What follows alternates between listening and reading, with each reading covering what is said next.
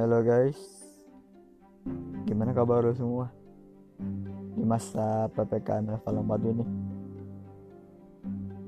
Gua harap lo baik-baik aja ya, di rumah aja yang penting. Mau di rumah sampai lu lumutan, yang penting lu aman lah ya, nggak apa-apa. uh, baik lagi di sini sama gua di dunia shinobi uh, setelah kemarin kita ngebahas tentang mata jogan Boruto uh, kali ini gue bakal bahas salah satu takdir Boruto juga ya ini. Yaitu tentang karmanya Boruto.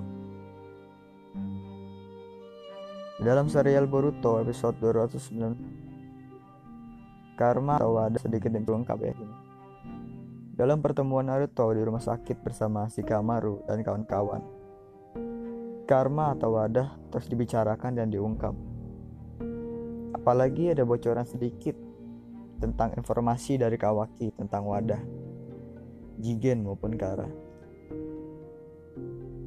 Eh, pada Boruto episode 209, Boruto yang tak sadarkan diri berhasil membunuh Boro dengan kekuatan Rasengan yang sangat besar dilancarkan oleh Momo-chan ya di sini telah mengendalikan tubuh Boruto. Namun, setelah Boruto terbangun, dia tidak sadar dan sedikit pun tidak menyadari apa yang dilakukan kepada Goro. Dalam scene ini, Momo-chan berhasil mengambil alih tubuh Boruto.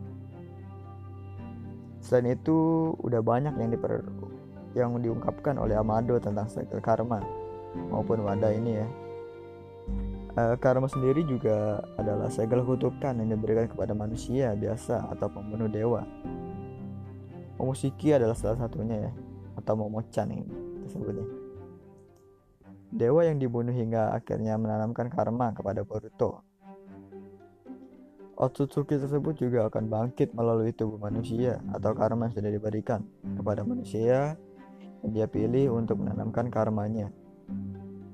Fakta menarik lainnya tentang karma adalah mempunyai banyak kekuatan hebat seperti dapat menyerap jutsu dan membuka portal dimensi yang mirip dengan portal Rinnegan.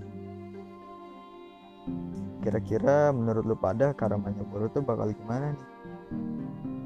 Bakal lebih bahaya apa bakal nguntungin buat si Boruto ini nih?